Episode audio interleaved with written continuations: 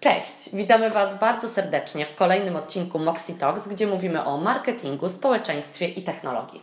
Ja nazywam się Nikola Zaradna. Z tej strony Arieta Prusak, a dzisiaj będziemy mówiły o temacie, na punkcie którego świat oszalał, bo marki tak naprawdę wydają miliony na to, by pozyskać celebrytów i znane twarze do reklamowania swoich produktów. I kiedyś Oczywiście to były tradycyjnie gwiazdy kina czy sportu, no a teraz mamy nowych celebrytów, czyli influencerów z Instagrama, YouTube'a i wszystkie te osoby i grupy nie tylko wynajmują, że tak powiem, swoje twarze do współpracy z markami, ale też tworzą na przykład z nimi nowe linie produktów, linie ubrań czy kosmetyków.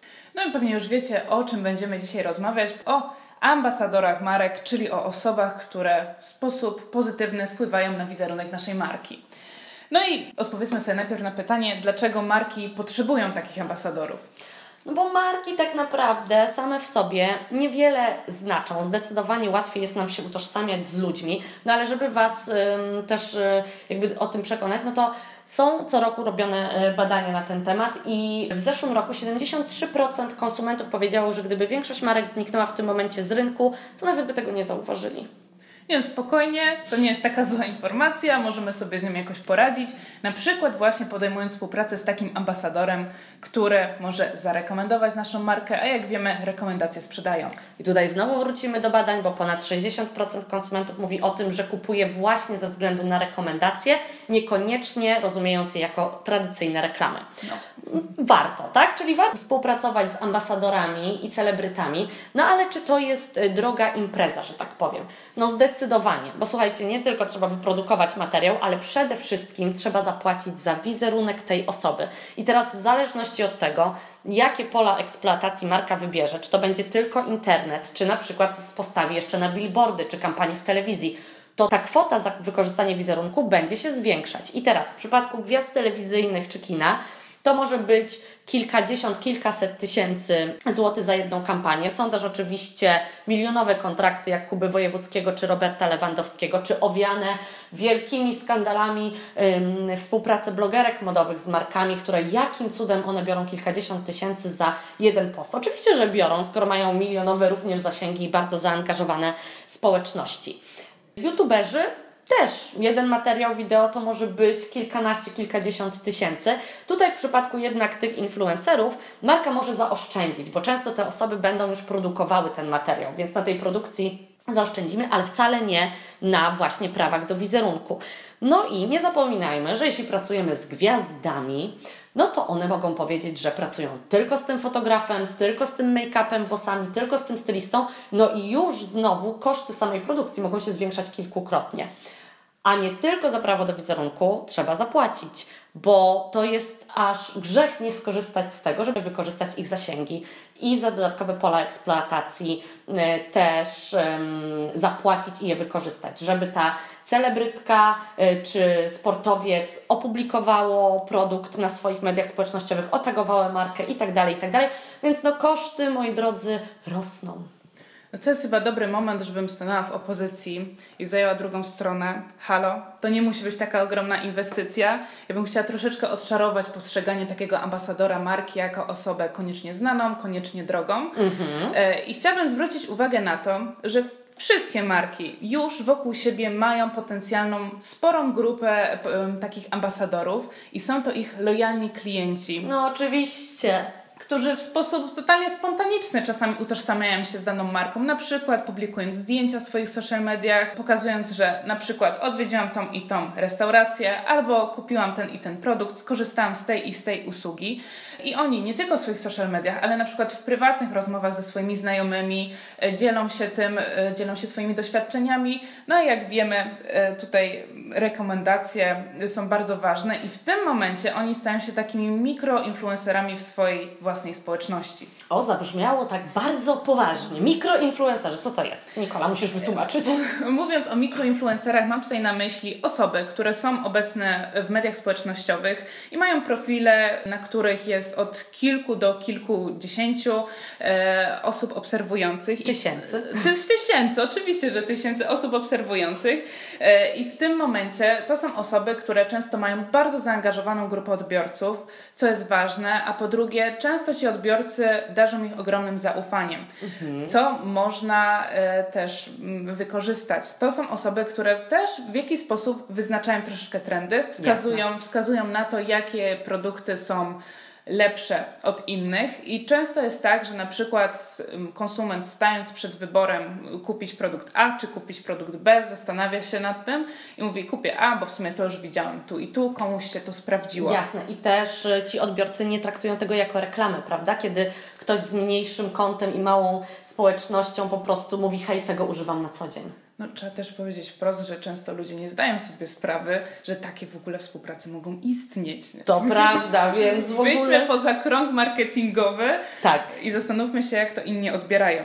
No i tak już podejmując współpracę z takim e, mikroinfluencerem, czy też influencerem, nie zapominajmy o umowach, ponieważ czy to jest osoba, która ma milionowe zasięgi, czy ta osoba ma 5 tysięcy obserwujących, zawsze powinniśmy wyznaczyć sobie pierwsze warunki współpracy, po drugie ewentualnie określić pola e, egzekucji tego. No i to, co jest najważniejsze, zawsze musimy pytać o zasięgi, o odbiorców, e, o ich generalnie liczby ich profilu. Poza tym, co influencer może nam sam wysłać, pokazać w statystykach, które po prostu pojawiają się na przykład na Instagramie, to sami powinniśmy zadbać o to, żeby sprawdzić, jaki ten influencer ma na przykład stosunek do swoich odbiorców, mm -hmm. w jaki sposób z nimi wdaje się w dyskusję, czy odpowiada na komentarze, jeżeli odpowiada, to w jaki sposób odpowiada. No i myślę, że bardzo, bardzo ważne jest to, żeby dobrać odpowiedniego influencera do swojej marki. Żeby na przykład, jeżeli jesteśmy marką odzieży streetwearowej, nie dobierajmy osoby, która ubiera się elegancko i zawsze nosi szpilki. I, zawsze nosi szpilki, no bo ta osoba nam niewiele, niewiele pomoże. I odwrotnie, jeżeli jest to osoba, która na przykład zajmuje się parentingiem, pokazuje raczej produkty dla dzieci, no to nie pokazujmy yy, że Go na imprezie. Nie pokazujmy, chociaż nie wykluczajmy, takie osoby też często wychodzą. To prawda. Natomiast, natomiast to jest faktycznie wiąże się z tym, że dokładnie musimy sprawdzić na profilu podczas wcześniejszych postów, co takie osoby lubią robić. Mhm, dokładnie. Po prostu to przeanalizować i nie tylko cyferkami się kierować, tylko przede wszystkim odpowiednim dopasowaniem do naszego produktu i odbiorców. Nikola powiedziała właśnie już o analizie i wspomniałaś o lojalnych klientach i to jest absolutny, niewykorzystywany czasami przez marki no, kanał promocji i rekomendacji, który jest najważniejszy. I tak samo jak współpracę z influencerami czy zasięgi celebrytów można mierzyć, to tak samo mierzyć można i trzeba to, jakich klientów mamy i po prostu analizować ich zachowania, automatyzować komunikację z nimi. I tutaj od razu to, co przychodzi mi do głowy, to programy lojalnościowe, które są najprostszym narzędziem do robienia właśnie tego, ale nie klasyczne programy, słuchajcie, że po prostu, o których myślimy, że tylko rabaty i zbieranie punkcików za każdą wydaną nie, złotówkę. Nie rabaty. Nie w 2019 roku, słuchajcie tylko dodatkowe mechanizmy, które pozwalają nam utrzymać właśnie kontakt z tymi klientami i w ogóle podpowiedzieć im, że hej, możesz o naszym produkcie powiedzieć dalej, albo żeby zbierać od nich feedback. Najprostszy sposób zmierzyć wskaźnik NPS, zapytać na ile są w stanie y, polecać naszą markę po tym, jak dokonali zakupu w e-commerce, w sklepie stacjonarnym, czy y, byli na kolacji w restauracji. Można im wysłać maila, SMS-a, jakąkolwiek drogą mm, o to zapytać, no i po prostu pracować z tymi promotorami, bo może jest tak, że wśród Waszych klientów już są właśnie ci mikroinfluencerzy, o których Nikola mówiła, no ale tego nie będziecie wiedzieć, dopóki tego nie przeanalizujecie. Poza tym są takie kwestie, jak po prostu wprowadzenie rzeczy, które sprawią, że ludzie poczują się szczególni, czyli limitowane oferty dla stałych klientów, tak? Czy wcześniejsza premiera produktu, czy eventy, które będą tylko dla nich. No tutaj naprawdę można zrobić wiele rzeczy, i to mogą być takie wisienki na torcie, ale też mowa tu o podstawach, o modelach rekomendacyjnych, które świetnie ma rozpracowane na przykład Airbnb czy Revolut, które po prostu mówią: hej, jeśli polecisz nasz produkt dalej, no to i ty, i osoba, której polecasz naszą usługę, dostanie dodatkowy rabat czy pieniądze na wykorzystanie. No, skoro jesteśmy już tutaj przy podstawach, to zacznijmy od podstaw podstaw, czyli od planowania takiego, wprowadzenia takiego programu lojalnościowego, ponieważ to jest ten moment, kiedy powinniśmy się zastanowić, co my chcemy wyciągnąć z tego programu lojalnościowego. A może nie co chcemy, a co jeszcze więcej moglibyśmy wyciągnąć. Jeżeli wprowadzimy taki program, czego dowiemy się o naszych klientach, albo zanim jeszcze wprowadzimy, czego chcielibyśmy się o nich dowiedzieć, może nad czym się zastanawiamy. I to wszystko trzeba już um, na etapie projektowania na etapie, tak. podjąć takie decyzje, ale też nawet jeśli już taki program istnieje, a on Wam nie daje wystarczających danych, bo na przykład pojawiła się nowa grupa albo zmienia się Wasza usługa. Może no, czas go zmienić. To można go odświeżyć, zmienić, ale jakby cel tutaj jest główny, żeby mieć to narzędzie do pracy z ambasadorami, których już macie wśród swoich klientów. No i dlaczego posiadanie tych ambasadorów w postaci influencerów jest takie ważne? Okej, okay, wracając właśnie do, do tych osób, które mogą publikować i, i mają zasięgi. No to oni mają też taką, poza tym, że powiedzą, hej, kup ten produkt, yy, to mają taką możliwość, żeby wyjaśnić, jak jakaś usługa czy produkt funkcjonuje, jak działa. Tak, marki często po prostu mają bardzo krótki czas antenowy, żeby pokazać y, cokolwiek na billboardzie czy w krótkim spocie reklamowym. A taka influencerka beauty może przez pół godziny na y, YouTubie tłumaczyć, jak działa jaki krem, jak wygląda efekt przed i po, może odpowiedzieć na pytania odbiorców i tak dalej. To jest też to, że marki nie zdają sobie czasami sprawy, z jakimi pytaniami borykają się ich konsumenci, to że prawda. na przykład jakiś produkt wypuszczają na rynek, a konsumenci zastanawiają się na przykład, jak to przechowywać, albo jak to w ogóle otworzyć, albo y, jak tego używać. I często na takie pytania od razu odpowiadają właśnie ambasadorzy. Więc nie tylko reklama sensu stricte, ale też właśnie wyjaśnianie świata marek. No i to, co jest ważne, ambasadorzy też nagłaśniają sukcesy marek. Na mhm. przykład podjęcie się jakiegoś y, super działania, wzięcie udziału albo zorganizowanie jakiejś akcji charytatywnej, e, być może wsparcie e, jakiejś grupy, a może po prostu wprowadzenie super produktów. No nie i... wiem, pojawią się ekosłomki w restauracji, tak? No to raczej restauracja nie zrobi kampanii na ten temat, ale influencer już może o tym wspomnieć. Może zrobi kampanię, influencer może wzmocnić ten komunikat. No i to, co jest myślę też bardzo ważne, to ambasadorzy są osobami, które pomagają nam podczas kryzysu. I tutaj e, była jedna sytuacja, która bardzo mnie zainteresowała swego czasu, ponieważ, e, no jak wiemy, Żywiec Zdrój, producent wody, nie cieszy się ostatnio zbyt dobrą opinią ze względu na to, że wykorzystuje bardzo dużo plastiku.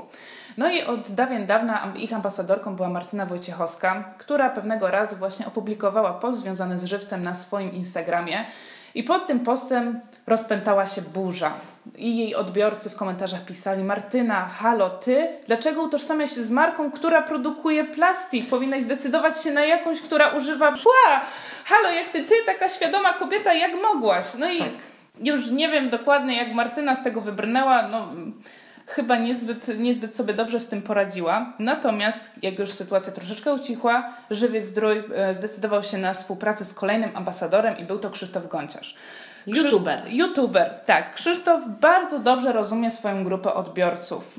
Jest z, nim, z nimi w bardzo dobrej relacji. Oni często odpowiadają im na wszystkie komentarze. Wie też, czego oni oczekują od niego. I on, decydując się na właśnie współpracę z marką Żywiec, wyprodukował film, który polegał na tym, że on wytłumaczył, no dlaczego ten plastik nie jest taki straszny. Ponieważ na przykład, jeżeli wyrzucimy go do odpowiedniego kosza, to wtedy e, ma szansę być używany ponownie i ponownie i ponownie, więc najważniejsze jest to, że mamy wyrzucać, ich, e, wyrzucać te butelki do odpowiedniego kosza. Wtedy już jakoś sprawa pójdzie dalej i nie będziemy szkodzić środowisku. Często jest też tak, że właśnie ten plastik jest mniej szkodliwy od niektórych biodegradowalnych opakowań. Słuchajcie, to chyba będzie off topic, ale musimy Wam to powiedzieć, bo siedzimy w temacie bardzo mocno. Bo jakby wiecie, że trend eko y, naprawdę, no musi zresztą nabierać na sile i tak jak mówiłaś tej Martynie, to ja sobie myślę, no brawo, ludzie zorientowali się, że kupują wodę w plastikowych butelkach po prostu, nie?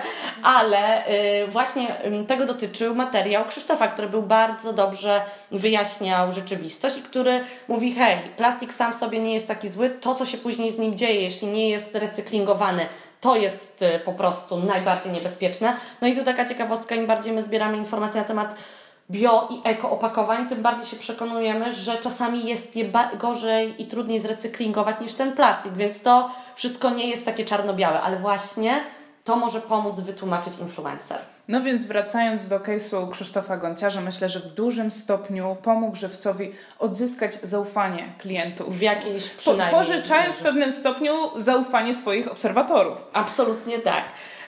E, mówimy o reklamach, mówimy o promocji, o wyjaśnianiu produktów, no i oczywiście, że to wszystko ma prowadzić do sprzedaży i ta współpraca z influencerami, ambasadorami mają e, wzmacniać, no ale oni tak naprawdę mogą być dodatkowym kanałem sprzedaży sensu stricte. Mam tu na myśli e, współpracę na poziomie sieci afiliacyjnych, czy linków rekomendacyjnych, które będą dedykowane konkretnym osobom, które po prostu dostają prowizję za to, że ich odbiorcy weszli na nasz e-commerce, zarezerwowali coś na, na naszej stronie, no bo tutaj znowu można to przeanalizować i sprawdzać, czy najprostsze, słuchajcie, jeśli nie macie takich rozbudowanych technologicznie systemów, najprostszy sposób, indywidualne kody rabatowe dla, tylko dla tych influencerów. Od razu można sprawdzić, jak to się na sprzedaż yy, przekłada. Podsumowując, czy Twoja marka potrzebuje ambasadora? I tak, i nie. Tak, ponieważ ambasador równa się rekomendacje, a każda marka ich potrzebuje. I tak, jeżeli znajdziesz osobę, która jest odpowiednia do Twoich klientów, która jest dla nich wiarygodna. Nie, bo tak naprawdę, jeśli Twoja usługa lub produkt są do bani, że tak powiem, no to może lepiej zainwestować w ich rozbudowanie i polepszenie niż w wynagrodzenie celebryty czy y, influencera. I tutaj właśnie inwestując w poprawianie produktu i usługi, zyskasz to, o czym Nikola mówiła, czyli lojalnych klientów. No i tak, jeśli o ambasadorze przestaniesz myśleć jako o osobie o milionowych zasięgach i gigantycznej rozpoznawalności, a zaczniesz rozglądać się wokół swojej marki i dostrzeżesz tych potencjalnych ambasadorów, czyli swoich własnych klientów. I właśnie rzeszy takich ambasadorów Wam życzymy. A gdybyście się zastanawiali nad tym, e, jak ich pozyskać, jak do takich współprac z mikro, mega influencerami podejść, no to zapraszamy Was do kontaktu. Możecie się z nami mm, e, spisać na mediach społecznościowych, czy wysłać do nas maila, zadzwonić na www.moxi.pl. Bardzo Wam dziękujemy za to, że byliście z nami mm, w tym odcinku Moxie Talks. Nikola, jak tam? E, debiut e, podcastowy? Ja się czuję fantastycznie. Mam nadzieję, zawsze chciałam, zawsze chciałam wziąć udział w jakimś podcaście. Ja mam nadzieję, że będę jeszcze miała szansę na kolejny taki odcinek. Mam nadzieję, że się jeszcze pokłócimy nie raz i nie, nie zgodzimy przy, przy jakimś kolejnym nagraniu. Bardzo serdecznie Wam dziękujemy za to, że byliście z nami i do usłyszenia w kolejnym Moxie Talks. Do usłyszenia.